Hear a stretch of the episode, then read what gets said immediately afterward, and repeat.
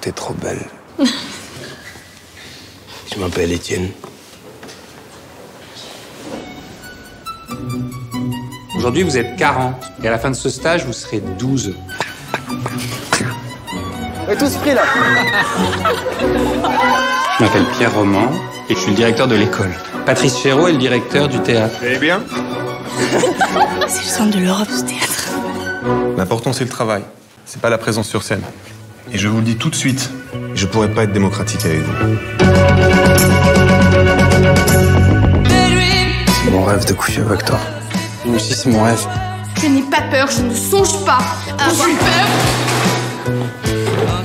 Tu sais, je suis fou. Faut que tu le saches. Tout le monde est fou. Soit vous menez une vie normale, soit vous devenez actrice, et là, vous brûlez vos vies.